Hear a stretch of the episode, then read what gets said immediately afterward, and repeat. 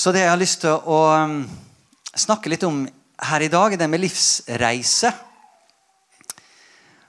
Og eh, det her er et tema som eh, for så vidt, eh, så langt jeg kan huske, jeg har berørt og, og vært innom på forskjellige måter.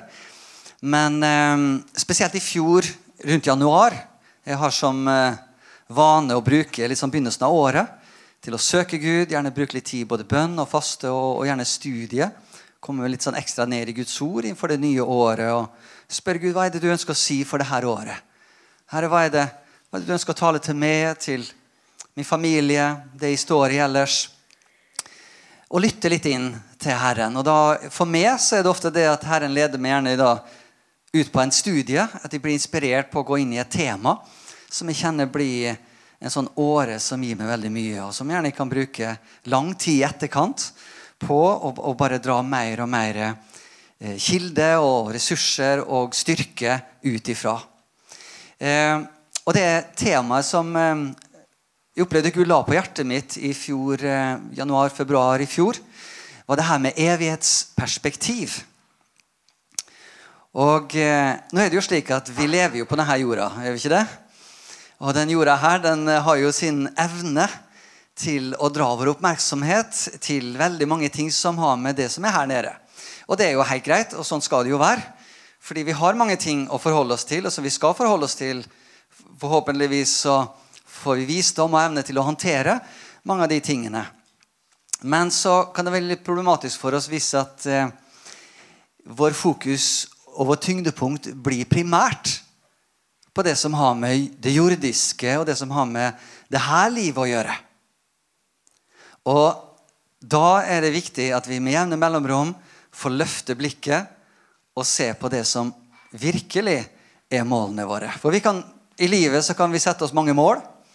Det kan være både hus, og det kan være bil, og det kan være karriere. Det kan være mange drømmer som vi har. Men de viktigste drømmene har med evigheten å gjøre. Fordi de drømmene vi har her i dag, i drømmene som er knyttet til det jordiske. Ganske enkelt fordi vi ikke veit våre dager. Vi kan ha mange dager enda igjen, eller det kan være over i morgen. Av grunner som ikke vi kanskje forstår eller veit. Det livet her det er skjørt, og det har vi lært spesielt nå i begynnelsen av det året her. To dyrebare venner ble tatt vekk fra oss. Og det er også en refleksjon rundt dette livet. Men det som er godt for oss som tror på Jesus Kristus, og har Jesus Kristus som vårt ankerfeste, er det at vi lever ikke for denne verden og denne tid. Vi lever i verden, men ikke av denne verden. Og Før vi ber litt, så har jeg bare lyst til å, at vi eh, lese to bibelvers som litt sånn til introduksjon. Og eh, Hvis du bare vil lytte, så kan du gjøre det. Vi skal tilbake til de versene her litt etterpå igjen. Men jeg bare skal lese det to vers. Det ene er fra Hebreerne kapittel 11 vers 13. og Der står det Her er jo Hebreerne 11 er jo det dette kapitlet med alle de her tros De som har gått før oss i Det gamle testamentet. Og som trodde på Gud, stolte på Gud og vandra med Han. Og Her står det i vers 13 da, I denne troen døde alle disse uten å ha fått det som var lovet. De bare så det langt borte og hilste det. Og de bekjente at de var fremmede og hjemløse på jorden. De var fremmede og hjemløse på, tro, på, på, på denne jorda. Og så har vi et vers i Filipperne. Filipperne kapittel 3. Og i vers 7 og 8 der, der står det, det er Paulus som skriver. Men det som før var en vinning for meg, det regner jeg nå for Kristi skyld som tap. Ja, jeg regner alt Si alt det er det Paulus sier her. Jeg regner alt som tap fordi det å kjenne Kristus Jesus, min Herre, er så mye mer verdt. For hans skyld har jeg tapt alt. Og alt har jeg tapt, og alt jeg har tapt, regner jeg som verdiløst skrap. Bare jeg kan vinne Kristus. Altså «Venn oss inn for Gud. Himmelske Far. Vi bare løfter vårt blikk her på denne søndag formiddagen.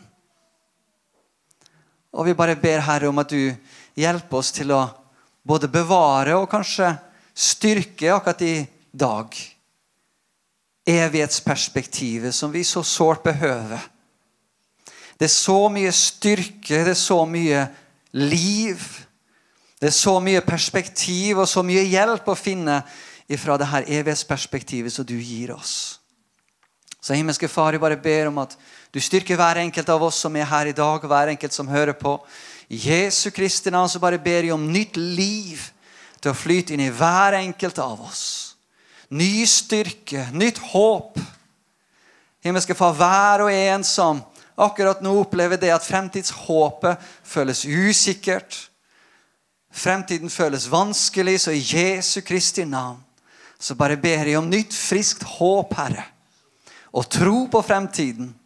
Og tro på evigheten, Herre. I Jesu Kristi navn så må du styrke oss, oppmuntre oss og løfte oss opp. Og gi oss det perspektivet som du ser for oss i dette livet og det som kommer videre. I Jesu navn. Alt folket sa? Amen. La oss gå tilbake til Hebreerne 11.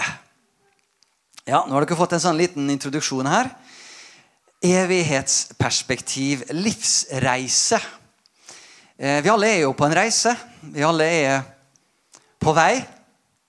Og vi er alle som i hvert fall er her nå, vi er her fortsatt på denne jorda. Eh, vi kan bekrefte det for hverandre. Vi ser hverandre, og vi er her. Så vi er på en livsreise. Noen har kommet litt lenger på den reisa, andre har enda mye for, mange år foran seg. Iallfall forventer vi det. Og noen av oss andre er sånn midt imellom en plass. Men hva betyr denne livsreisa?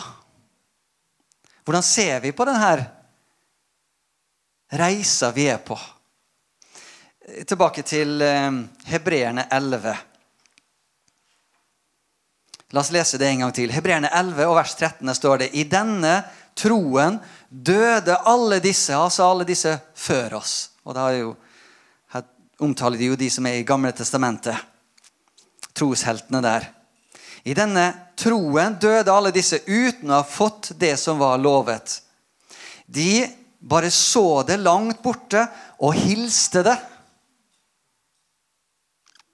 Og de bekjente at de var fremmede og hjemløse på denne jorda. Hvordan ser du på ditt liv og på deg sjøl her?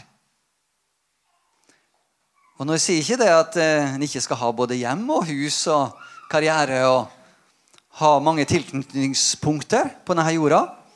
Eh, Gud har sagt at han vil ikke bare velsigne oss der fremme en gang. Han ønsker å velsigne oss her i dag også.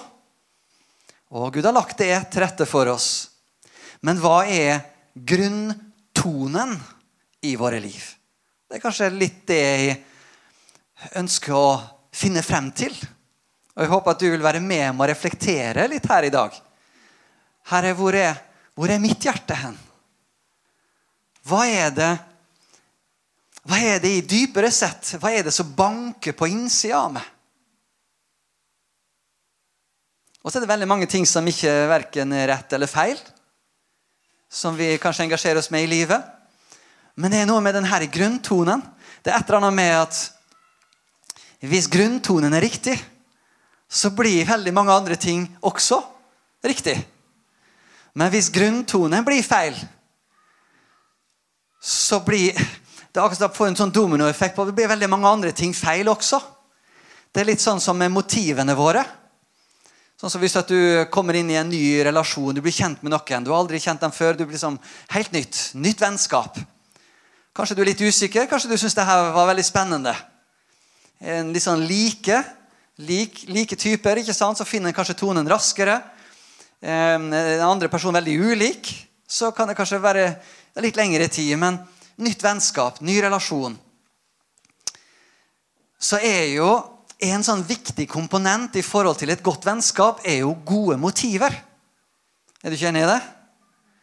Det kan være veldig vondt, og det kan skape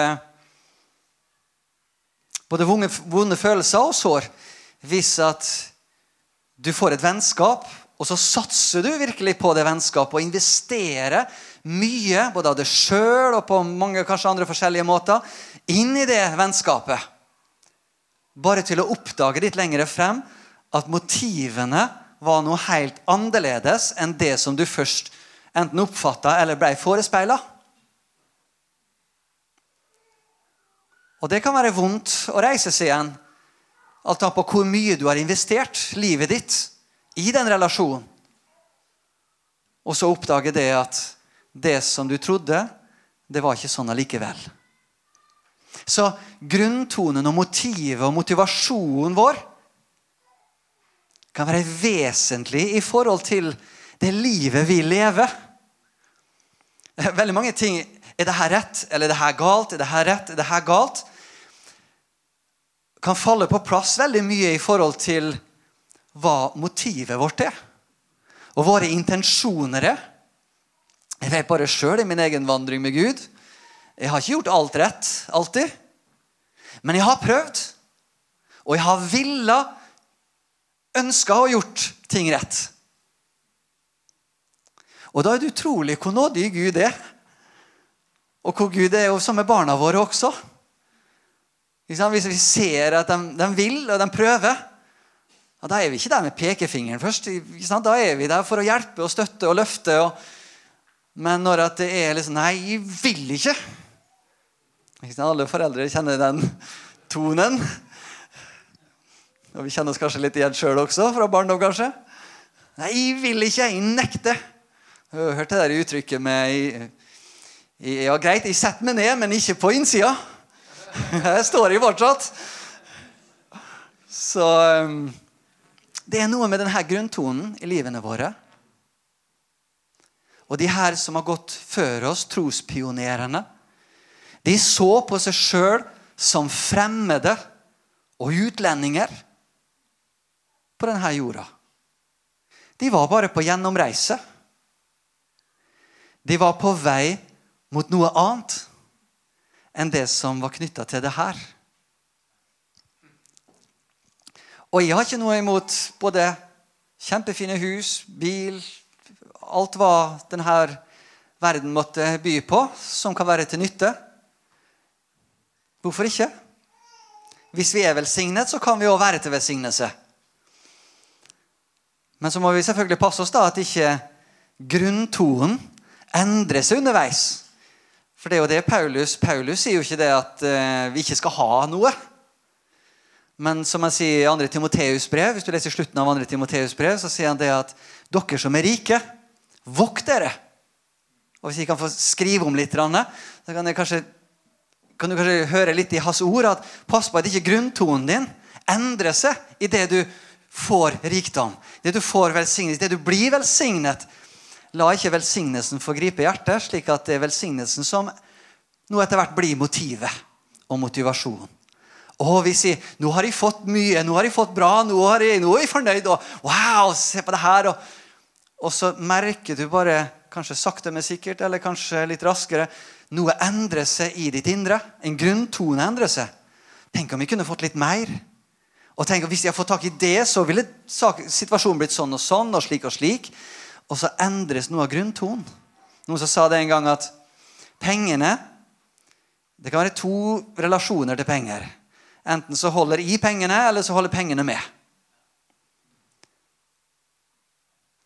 Men hvis grunntonen kan være i forhold til det som ligger forbi denne verden, forbi denne tiden, forbi denne jorden, da kan vi se på alle de her forskjellige tingene som redskap. Hvilke redskap trenger jeg for å gjøre det jeg skal gjøre her, på veien dit? Trenger jeg et stort hus fordi jeg har behov for det? Fordi jeg er i et arbeid, men jeg er på vei dit, og på vei dit så trenger jeg det her, og jeg trenger det der, og jeg trenger det der. På veien dit, på veien mot et mål, da blir, kan mange forskjellige ting bli redskap. Og det kan også være det at du faktisk går i motsatt ende òg. Altså, vet du, jeg trenger ikke de her tingene. Faktisk, Jeg trenger ikke det her, fordi jeg merker det at det her bare senker farta for meg. Det distraherer meg. Så noen ganger så kan det være godt å bare få renske litt bort også. For liksom ting som kanskje var greit i forrige epoke, men nå er jeg inne i en ny epoke, og nå kjenner jeg det at jeg har ikke behov for det her.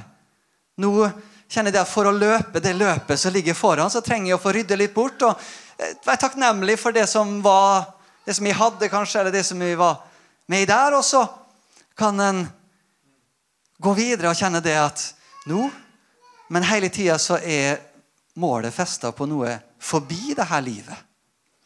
Men jeg tror vi alle kan kjenne oss igjen i hvor, hvor lett ting fester seg ved oss. For eh, altså, vi, vi, alle har vel noen områder som vi på en måte er jo litt sånn teknisk, og nå har jeg fått ansvar for tekniske. og litt sånn, og jeg har vel gjennom oppveksten så har jeg vært litt over gjennomsnittet sånn nysgjerrig på tekniske ting. da. Eh, og i et tilfelle da jeg var, var, liten, så vekte mamma og pappa meg eh, på kvelden for å få på VHS-spilleren. Eh, da var den litt sånn ny på markedet og sånn. Så, å gi både interesser og hobbyer og ting vi liker og ting vi trives med. Noen liker biler, andre liker hus, noen interiør, andre Vi er forskjellige. Men la ikke noen av her tingene snike seg inn og få begynne å gripe hjertet vårt. Og begynne å dra blikket vårt ned på de jordiske tingene. Og det, skal vi være helt ærlige, alle sammen? Jeg kan få være ærlig, så kan dere få bare se på meg. så er det utrolig hvor lett ting og ting i livet tar oppmerksomheten vår. Og det er derfor det at Når du leser gjennom særlig Nytestamentet, så er det hele tida en sånn Noen ganger en litt mild formaning, andre ganger en ganske tydelig og klar formaning om å vende blikket oppover igjen. Vende blikket oppover igjen. Hvorfor snakker Nytestamentet om omvendelse? Jo, det er jo for det å få blikket tilbake igjen på de tingene som virkelig teller. Som virkelig gjelder. Og Når vi snakker i dag om evighetsperspektiv, så berører vi noe av den aller, aller viktigste grunntonen. Hvis du tar alle avgjørelser, små og store, og særlig de store. Og vurderinger. Skal jeg gå den veien? Skal jeg gå den veien? Skal jeg gjøre slik? Skal jeg være, skal jeg... Mange spørsmål som kommer i livet på forskjellige tidspunkt. Og så teste det opp imot evighetsperspektivet. Så er det mange spørsmål som du kan få avklare bare der. Uten så veldig mye om og men og frem og tilbake. Hvis du ser det at nei, dette drar meg vekk ifra min mester og frelser det perspektivet, det målet, det livet som vi lever i dag. Det lever ikke for meg sjøl, men det lever for Han. Bare se på det verset også. Det var et sidevers som vi noterte meg her. Ikke ha på tavla her, men Galaterne 2,20. Er det Paulus som reflekterer over sin egen livsreise? Og I Galaterne 2,20 så sier han Jeg lever ikke lenger selv, men Kristus lever i meg. Det livet jeg nå lever som menneske i kjøtt og blod, det lever jeg i troen på Guds sønn, som elsket meg og ga seg selv for meg.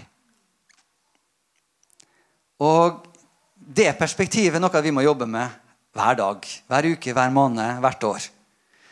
Det er ikke slik at du kommer frem til et punkt i ditt kristne liv, og så, så, har du det. Og da slipper du å jobbe med det. Nå er det bare, er det bare å cruise inn til evigheten fordi at du har blitt så åndelig.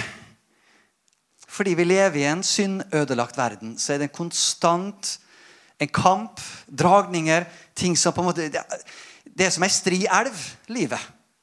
Som hele tida er i bevegelse. Noen passasjer er litt roligere. Andre passasjer av elva kan være ganske stri, og ganske, ting skjer veldig fort. Og kanskje noen, ting, noen svinger i elva og, og strømmer kanskje du ikke helt ser og forutser så kommer det litt brått på det, og du må kjempe litt for å holde det opp, oppe og over vannet. Men det å hele tida vende likevel blikket opp og se hva, hva er det det livet her handler om. dypere sett? Hva er det viktigste? Hva er mine verdier? Og da håper jeg det at vi kan reflektere oss frem i dag til evighetsverdier. Hva er en verdi? Verdi er det som er verdifullt for deg og for meg.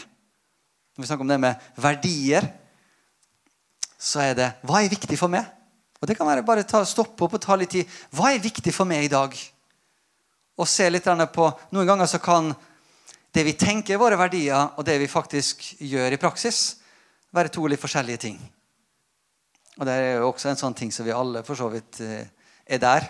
Men vi kan merke det at, vi, at det kan være et større gap i perioder mellom de to. Hvor vi tenker oss sjøl kanskje som ja, men jeg følger jo virkelig Gud, og jeg er nå overgitt. Bare til å oppdage når vi tar litt selvrefleksjon og vi på en måte går litt inn og bare spør ærlig Gud Gud, skinn lyset på mitt hjerte nå. Og så kjenner vi Guds omsorg, men også kanskje formaning. Han sier at i det området her så har du nå slapp, Du slapper mer av enn du gjorde tidligere, og kanskje du bør.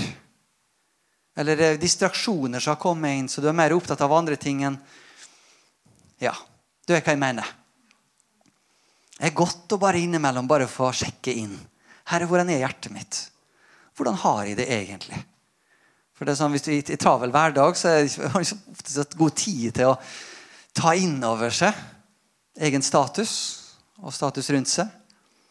Derfor er det godt å bare stoppe opp innimellom. For meg så er bønn å faste en sånn, en sånn tid. Bare stoppe opp og bare la Gud få sette litt lyset på ting.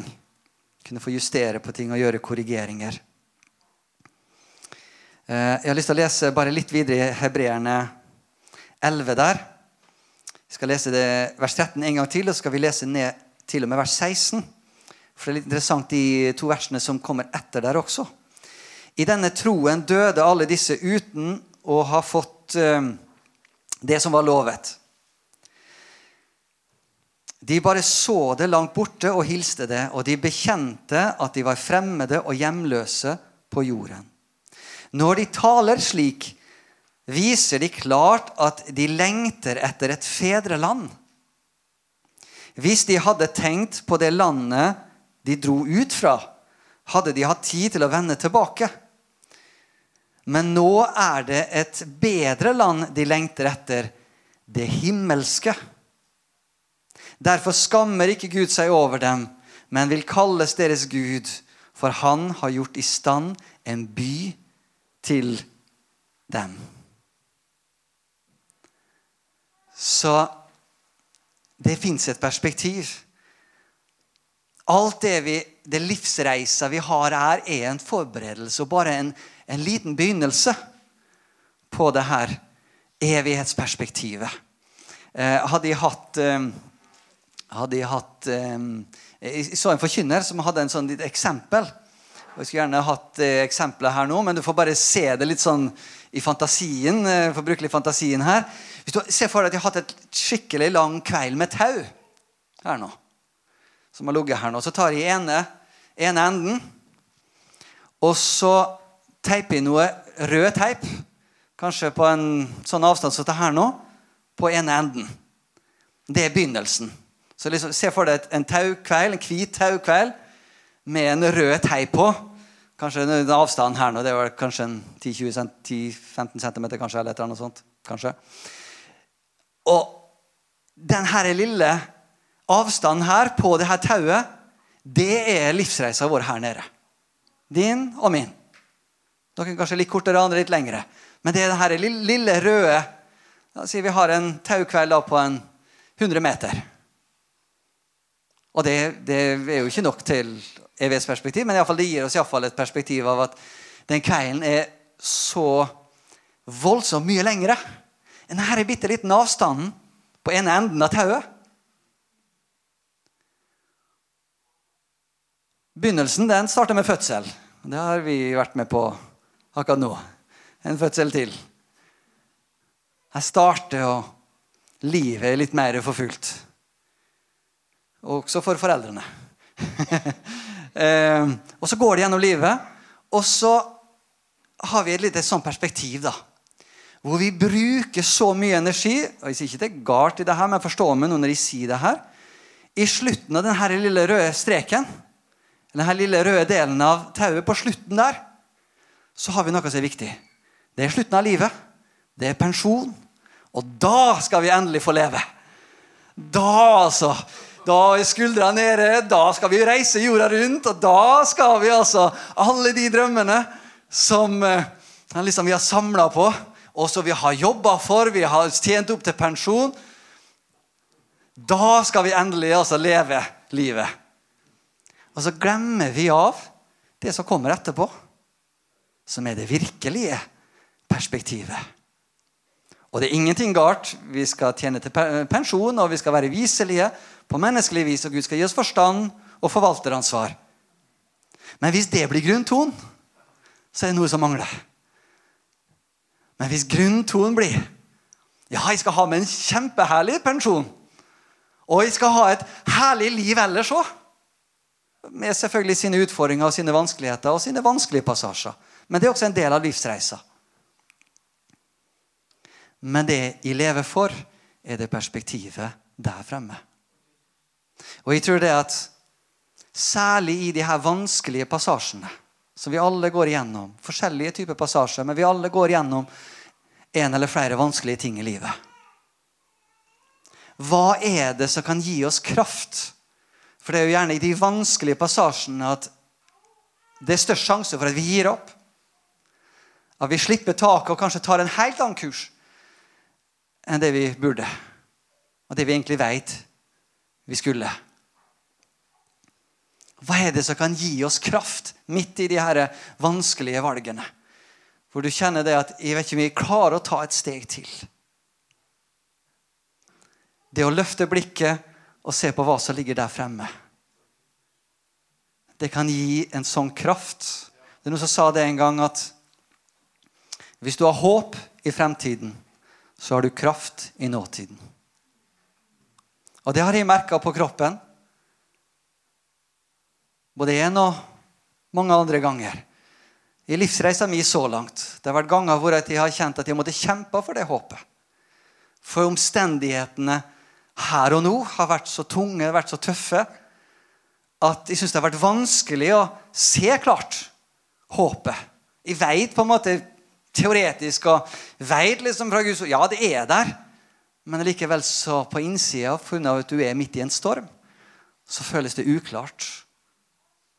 Men det å da få våkne til live igjen, det håpet som ligger der fremme de, Du har den første menighet. Det var Jesus og apostlene. I den tidlige menighet, det var etter den siste apostel Johannes døperen rundt 90 til 312. Og det var en periode Først så var det ikke så mye forfølgelse, men etter hvert så plukka det opp hastighet og ble en voldsom tid av forfølgelse for Kristi kropp og for troende. Og En del av de forfølgelsene som skjedde i løpet av den perioden, der er, er, altså det, bare det å begynne å forklare det og begynne å fortelle om det, er, er vanskelig. Fordi det er så groteske og så, så, dramatiske ting som ble gjort imot troende, og hva de måtte li.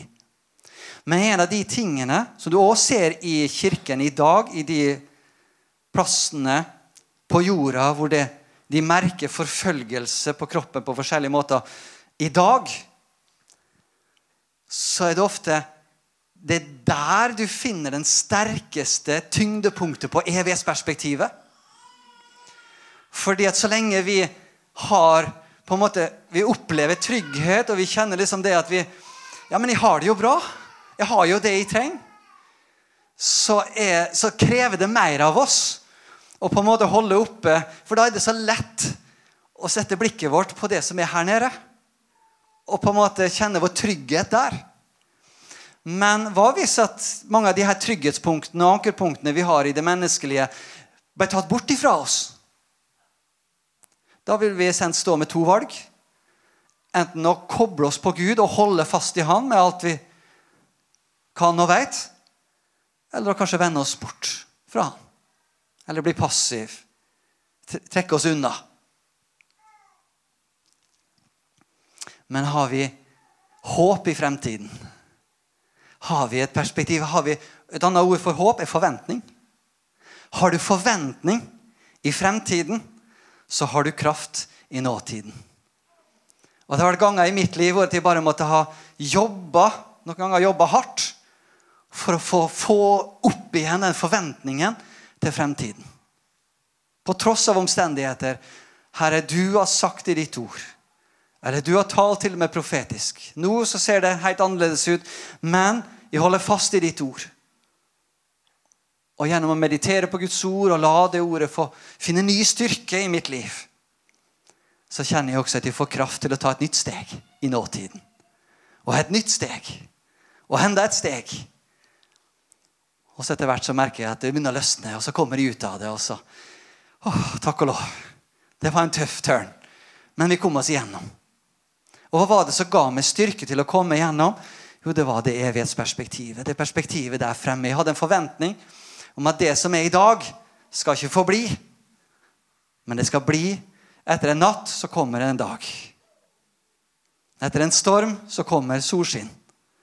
Det kan drøye, og det kan ta tid, men det kommer.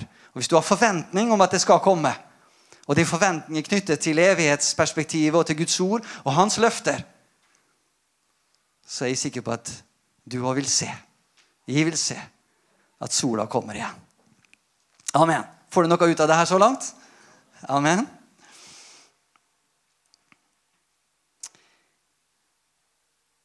Jeg har lyst til å gå litt videre. Livsreise. Det er to ting som jeg har reflektert over, og som jeg bare har lyst til vi skal reflektere litt raskt over her i dag også, i forhold til livsreiser som går i tråd med det som jeg allerede har snakka om. Det er to ting. Det ene er destinasjon. Si destinasjon. Ja, Det er dit vi er på vei til. Det noen som sa det en gang at eh, hvis du ikke veit eh, hvor du skal, så vet du heller ikke når du har kommet frem. Ja, det er jo sant. Hvis du bare reiser uten noe mål, uten en tydelig destinasjon, så Du bare reiser og reiser og reiser, og har du kommet frem da? Nei, det vet vi ikke. Men vi er nå på vei. Men hvor du er på vei hen, det vet du kanskje heller ikke. Så det å ha en klar destinasjon det kan være en god hjelp til å vite hvor du er på vei hen. Det kan være viktig i livet. På livsreisa å ha en klar destinasjon, og det er det som jeg snakker om her med å ha et evighetsperspektiv. Det å ha, være forankra i noe dypere enn det her livet. Noe lengre enn det her livet. At det jeg lever for i det her livet, er koblet til noe utenfor det her livet. Det er hva et evighetsperspektiv er for en kristen. Og Det andre er det med forandringer. Det er også en annen ting, en annen side ved livsreisa. En destinasjon er viktig å ha. Hvis ikke så kan det være at du, du starta ut i én retning, og så i løpet av livet så har kursen tatt en helt annen vei. Og det som først var tenkt, det blir aldri fordi at du tok en helt annen kurs. Så det å ha en klar destinasjon gjør det at du kan stadig korrigere tilbake. Er du på båt ikke sant, og du skal langt, du, vet du hvor du skal hen, og du har kompass, og kan, så kan du hele tida gjøre justeringer. Slik at du kan korrigere kursen hele tida tilbake til utgangspunktet. Og Det gjør det at du til slutt vil komme frem til det målet. Men hvis du bare setter kursen i begynnelsen, og så glemmer du det, og så bare kjører du, så kan det være en liten unøyaktighet som gjør det at du kommer helt ut på en annen plass. Så det er denne her justeringen som vi gjør. Og så har vi forandringer i livet som gjør det at vi, vi trenger eh, styrke og kraft fra Gud til å håndtere de også vanskelige tidene. La oss se litt på det med destinasjon. Vi har noen motivasjoner i Guds ord. og La oss bare se på noen her. Jeg skal ikke gå så djupt i det her, men det er noen evighetsperspektiver. Hva er det som venter med å vente det etter det her livet? Når det enn måtte bli. Hva er det vi venter på? Hva er det vi forventning? Har du forventning til hva som kommer i evigheten? Og kan det som ligger der fremme, gi en inspirasjon og en motivasjon og en energi i dag? i det du står i, og det du gjør, og de valg du tar. Johannes 3, 16, det kjenner du jo godt til. Der står det For så høyt har Gud elsket verden, at han ga sin sønn den enbårne, for at hver den som tror på han, ikke skal gå fortapt, men ha evig liv. Gud sendte ikke sin sønn til verden for å dømme verden, men for at verden skulle bli frelst ved han. Så Den første motivasjonen som vi ser tydelig i Det nye testamentet, er evig liv. Og hva er evig liv? Jo, for en som tror på Jesus Kristus, så er evig liv med Jesus Kristus det mest fantastiske en kan tenke seg. Det var noe som eh, var en litt tematikk i forhold til det med himmel og helvete eller fortapelse. Og det eh, var noen som ga et perspektiv, litt, en litt annen måte å tenke det på. At for en person som ikke har blitt For vi tenker jo De fleste mennesker vil, ville velge himmelen over fortapelse. Ikke sant? For himmelen høres jo mye bedre ut i de fleste former. Um, men hva er himmelen? Og eh, Hvis våre liv er bygd på egoisme og selvopptatthet og selvsentrerthet, så er det ikke det som er den bibelske kristne himmelen grunnleggende. Det er ikke at jeg nå skal få gjøre som jeg vil og kan liksom leve ut mine drømmer og liksom hva jeg vil og ønsker osv. Himmelen i kristen perspektiv er Kristus. Det er derfor vi kan få en smak av himmelen allerede her i dag. Allerede her nede. Så kan vi få en smak av himmelen, for får vi en smak av Jesus, så har vi allerede en smak av himmelen. Fordi Jesus fyller alt og alle. Han er begynnelsen, han er enden. Han er midt imellom, han er evig.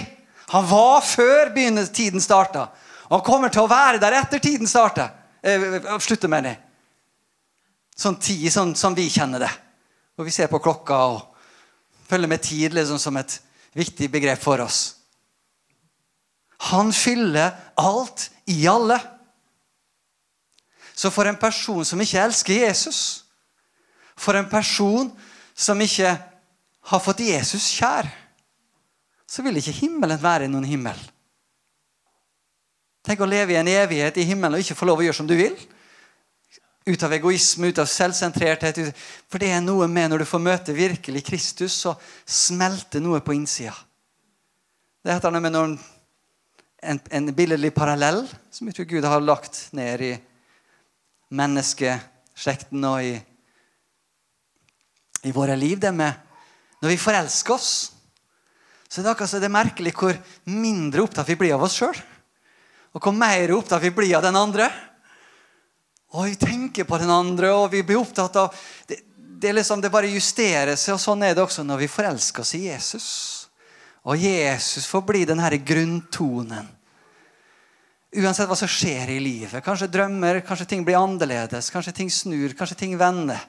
Det er mange ting om dette livet vi ikke vet. Og det er noen ganger så Kanskje har Gud ei, ei hånd med som ikke vi ser, og ikke vi forstår alltid heller. Men det går vi kan få legge ting, særlig det vi ikke forstår, kan vi legge i Guds hender. Men Jesus Kristus er der alltid. Hvis vi vil det. Han kan være den grunntonen som gir oss mening, gir oss styrke og gir oss kraft. La oss se på neste. I 2. Timoteus kapittel 4 og vers 7 der står det Jeg har stridd den gode strid, jeg har fullført løpet, og jeg har bevart troen. Nå ligger rettferdighetens seierskrans klar for meg. Den skal Herren, den rettferdige dommer, gi meg på den store dagen. Ja, ikke bare meg, men alle som med kjærlighet har ventet, si ventet, på Han som skal komme. Han kommer, og vi venter på Han, gjør vi ikke det? Amen. Han kommer, og det ser vi frem til. Så det er en krans som eh, også venter på oss. Um, Matteus 25, 21 er et eh, vers som for meg har betydd veldig mye. Eh, det å kunne en dag få høre de her ordene, det betyr veldig mye for meg. Og det er en sånn det er en sånn evighetsperspektiv for min del som har gitt meg kraft og styrke i også tøffe situasjoner og vanskelige situasjoner. En bønn om la meg, Herre, få høre de her ordene når jeg en dag skal møte det. For her er det jo da, Du kan lese mer av sammenhengen der, men jeg, jeg bare les det som, det som eh, det er Jesus som gir en lignelse her i forhold til en, eh, en, eh, en mester som overgir forvalterskap til tjenerne sine og gir dem et visst mål av uh, mulighet til å ja, både gaver og, og, og potensialet. Uh, og så gir han dem muligheten til å bruke det. Og så, uh, det, når han kommer tilbake igjen og skal gjøre opp regnskap for det som forvalterskap som de her tjenerne hadde fått, så han første her han hadde forvalta det godt og hadde brukt det talentet og de mulighetene og det potensialet som Gud hadde gitt han. Og Der står det da mesteren svarte da han etter at han viste hva han hadde gjort, og på en måte gjorde opp regnskap der, så sier Herren Han svarte, 'Bra, du gode og tro tjener.' 'Du har vært tro i lite, og jeg vil sette deg over mye.' Eh, la meg bare stoppe opp et lite øyeblikk. Det var en ting som ble levende for meg mens jeg jobbet mediterte og, og forberedte meg til denne søndagen. Å dele det her budskapet. Akkurat rundt de versene her som ikke har Det var noe jeg oppdaga der som ikke um, har vært så levende for meg før, og som ikke helt har sett slik som vi så det nå. Og hvis du går tilbake opp i vers um, 15 i Matteus 25, 15, så står det han ga Én eh, ga han fem si, ja, En ga han fem talenter, en annen to, og en tredje ett talent. Etter det hver enkelt hadde evne til. Etter det hver enkelt hadde evne til.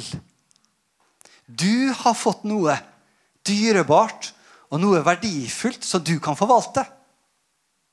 Jeg har fått noe jeg kan forvalte.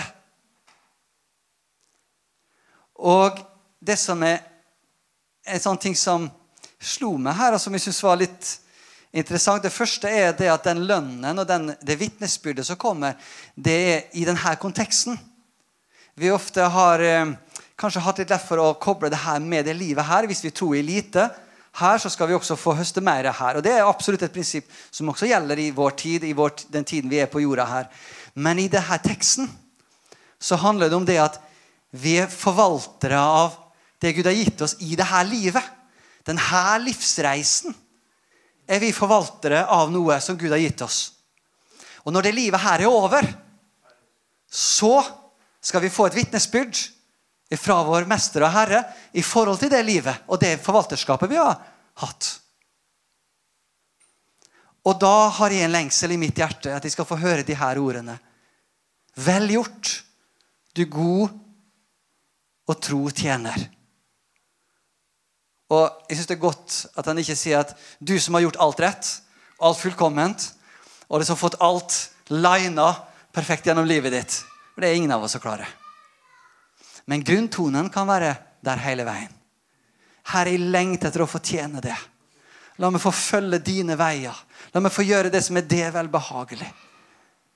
Det kan være en grunntone i feilskjær, i ting som blir annerledes, i ting som vender seg på måter som ikke vi har kontroll over, så kan likevel grunntonen være i livene våre. Gud, la meg få være en tjener for det.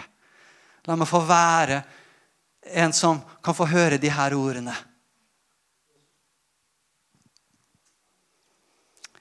Og eh, Så la, la oss ha den bønna også i våre hjerter. Amen. Um, jeg skal bare nevne to andre også, så jeg har lyst til å gå videre. 1. Korinterne 3, 1-14 snakker også om lønn og ære. At vi skal få en lønn av det livet vi levde med Kristus. Det finnes belønninger når vi følger Han, og vi har, er lydige i forhold til de tingene som Han leder oss til. Og så er det også en eh, Hallo? Så er det også en, eh, en eh, i Matteus kapittel 6 og vers 19-21 eh, så står det også om eh, de her skattene. Dere skal ikke samle skatter på jorden, hvor møll og rust ødelegger, hvor tyver bryter inn og stjeler, men dere skal samle skatter i himmelen, hvor verken møll eller mark ødelegger og tyver ikke bryter inn og stjeler. For der skatten din er. Stopp. Hvor er din og min skatt? Vi brukte ordet verdi her i stad. I samfunnet så er det mye snakk om det med verdier. Hvilke verdier har vi i landet vårt? Hva som, og hva betyr det? Hva er det som er viktig for oss? Hva er det som er mer viktig, mindre viktig? Hva er det som er helt essensielt? Dette vil vi aldri slippe på. Etter andre verdenskrig så var det en veldig sterk holdning i landet vårt om det med frihet. Frihet var en verdi som vi var villige til å leve og dø for. Om vi måtte. Særlig etter at vi var blitt okkupert og opplevd alt det vonde i forhold til det, og den prisen som de motstandsbevegelsen og mange andre måtte lide i forhold til det. Så ble det en veldig sterk verdi. Hva er mine verdier? Hva er dine verdier? Akkurat det samme når vi bruker ordet skatt. Hvor har jeg min skatt hen? Hva er det som er dyrebart for meg? Det er vel verdt å ta tid til å definere og notere ned, tenke igjennom. For det kan ha flytta seg gjennom årene. Og kanskje noen ganger til det bedre, andre ganger kanskje ikke. Men det må vi bare sjekke inn med Herren i vårt eget hjerte og se inn i våre liv. Men det som er interessant her, er at Jesus sier det på denne måten at der du har skatten din hen, der kommer også hjertet ditt til å følge. Han sier ikke at det er hjertet ditt det er, der vil skatten din være. Han sier at der skatten din er, der din investering er. Der du Det her er min verdi. Det her, hvis du sier til deg sjøl det her er det viktigste i mitt liv, og så liner du livet ditt i forhold til det så godt du vet å gjøre det, men du først etablerer en holdning, og så prøver du å justere livet ditt til å komme i linje noenlunde med, med den holdningen så kommer hjertet ditt til å følge det. Og Det er derfor det at frafall er jo det at skatten vår har flytta plass. Vi har blitt opptatt, vi har blitt distrahert, vi har begynt å bruke mye mer tid på andre ting. Og så følger etter hvert hjertet etter. Og så blir hjertet mer og mer lunkent i forhold til det som det var fokus på før. Og så blir det sterkere og sterkere på det som nå er fokus. Så hvordan justerer vi på det da? Jo, vi begynner å gå tilbake og investere på nytt igjen. Begynner å løfte nivået. Hvor mye tid bruker vi? Hvor mye gir vi av oss sjøl? Forskjellige måter å investere på. Du får, du får ta det innenfor en hellig ånd i ditt hjerte og i ditt liv. Men skatten den har en påvirkningsevne på hjertene våre. Amen. Takk, Jesus. Så det med denne destinasjonen er så viktig. Det er kanskje, Om du kan få med deg noe av det som Gud har lagt på mitt hjerte her i dag, så er det det å få det her ankerfestet på evigheten. Få koble på igjen. Kanskje du, Vi alle var kobla på, men kanskje vi trenger å koble på mer. Kanskje vi trenger å fokusere enda mer på det her ankerfestet som ligger der fremme. Etter det her livet. Så hvordan hvis du visste at du hadde bare ett år igjen Det er jo også en sånn måte å reflektere på. Hvis du visste du hadde bare ett år igjen, hvordan, ville du endre på noe? For hvordan du lever, din investering, hvor ville skattene Hva, hva på en måte ville du bruke tida på? Hva ville være viktig for deg? Vel verdt å reflektere over. Kanskje du ikke føler at du ville gjøre noen store justeringer? Kanskje du kjenner at det er ting som Den hellige ånd vitner i ditt hjerte. Uansett så er det noe med å få koble på det her ankerfestet der fremme. For vi har et sånt håp. Vi har, du, selv når vi har det bra så er det, 'Å, nå er det godt å leve'. Den følelsen der, bare, bare, bare kjenn litt på, bare tenk litt på den følelsen der. Liksom når du kjenner du er så høyt oppe, og 'Å, nå er det godt'. Nå har jeg det godt på innsida. Fred, ting lykkes, jeg har det bra. Familien har det bra. Du har den virkelig gode følelsen. Det er bare en bitte liten forsmak på det som kommer etter dette livet, inn i evigheten med Kristus. Vi, ingen av oss klarer å forestille oss hva som ligger der på andre enden, på andre sida. Men vi kan løfte blikket, og vi kan velge å si, 'Herre, du er mitt håp. Du er mitt ankerfeste.' Hjelp meg å la det blikket få gi meg kraft i dag, styrke i dag og korrigering i dag, slik at de kan vandre til velbehag for det, Herre. Amen. Takk og lov. Ja, det var litt forskjellige ting angående destinasjon. Jeg har bare lyst til å gå litt Noen eh, Jeg kommer ikke til å gå på alle de punktene jeg hadde, men jeg har lyst til å gi et eh, eh et perspektiv i forhold til eh, I møte med de vanskelige endringer så avslutter vi akkurat det. For livet Hadde vi hatt det målet, og veien har vært bare liksom en strak vei, så hadde det jo vært veldig greit. Altså, ok, Vi har satt målet rett, og vi har kursen og destinasjonen. så det er liksom bare setter på autopilot nesten. Om noen år så kanskje vi får biler som kjører av seg sjøl. Du bare setter inn destinasjonen, og så lener du godt tilbake, og så er du i Oslo om noen timer. Ikke sant? Jeg velger på å forske på det. og så videre. Jeg er ikke helt der enda. Jeg ville ikke følt meg trygg og satt meg inn i en bil i dag. Eh, i forhold til det. Men eh, det kommer kanskje. Men så er det det at det livet her nede, det har sine svinger, det har sine overraskelser. Det, det er ikke en vei rett frem. Noen ganger så må du over fjell, andre ganger så må du ned i daler.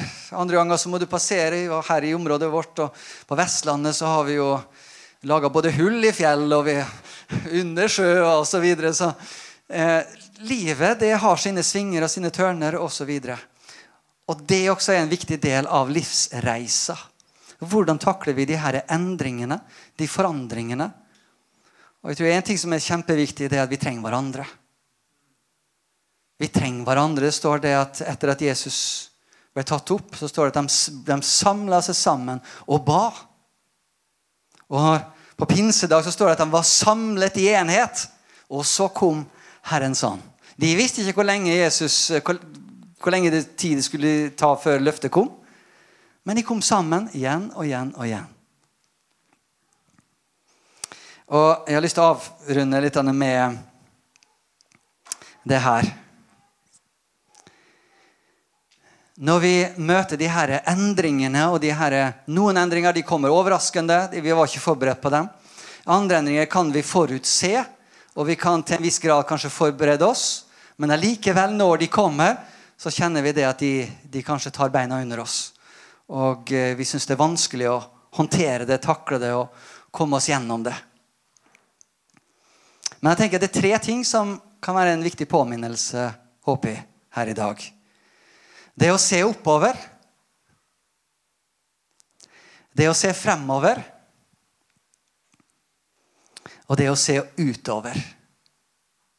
Vi kan legge igjen de her tre tankene.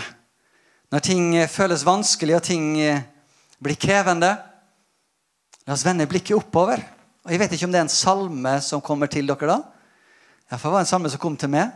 Jeg løfter mine øyne opp til fjellene. Hvor skal min hjelp komme fra? Min hjelp kommer ifra Herren, himmelens og jordens skaper. Og vi kunne fortsatt. Men du skjønner poenget mitt. Løfte blikket. For det er klart at når det er tungt og det er vanskelig, og ting er i endring, så er det lett å ta blikket ned. Men la oss løfte blikket opp. og La oss se fremover istedenfor å la tyngdepunktet være bakover. Det er gjerne mange ting bakover. Ting kan være bra, ting kan være vanskelig, så vi ser bakover. og Det kan være mange forskjellige refleksjoner i forhold til det, men la oss se fremover. Og Det er jo det vi har snakka om nå med destinasjon også. Finn fremtidshåp. Finn forventning. Både på kort sikt, men i særlig grad på lang sikt. Og forbi det her livet. Og så det siste se utover i stedet for innover. Det er andre mennesker der ute. Når du går gjennom endringer, så er det lett å bli isolert. Det er lett å trekke seg tilbake. Men da se utover. Er det andre mennesker som du kan berøre, som du kan velsigne, og som du kan støtte? Noen eh, sitater bare helt til slutt her. Forandring er uunngåelig.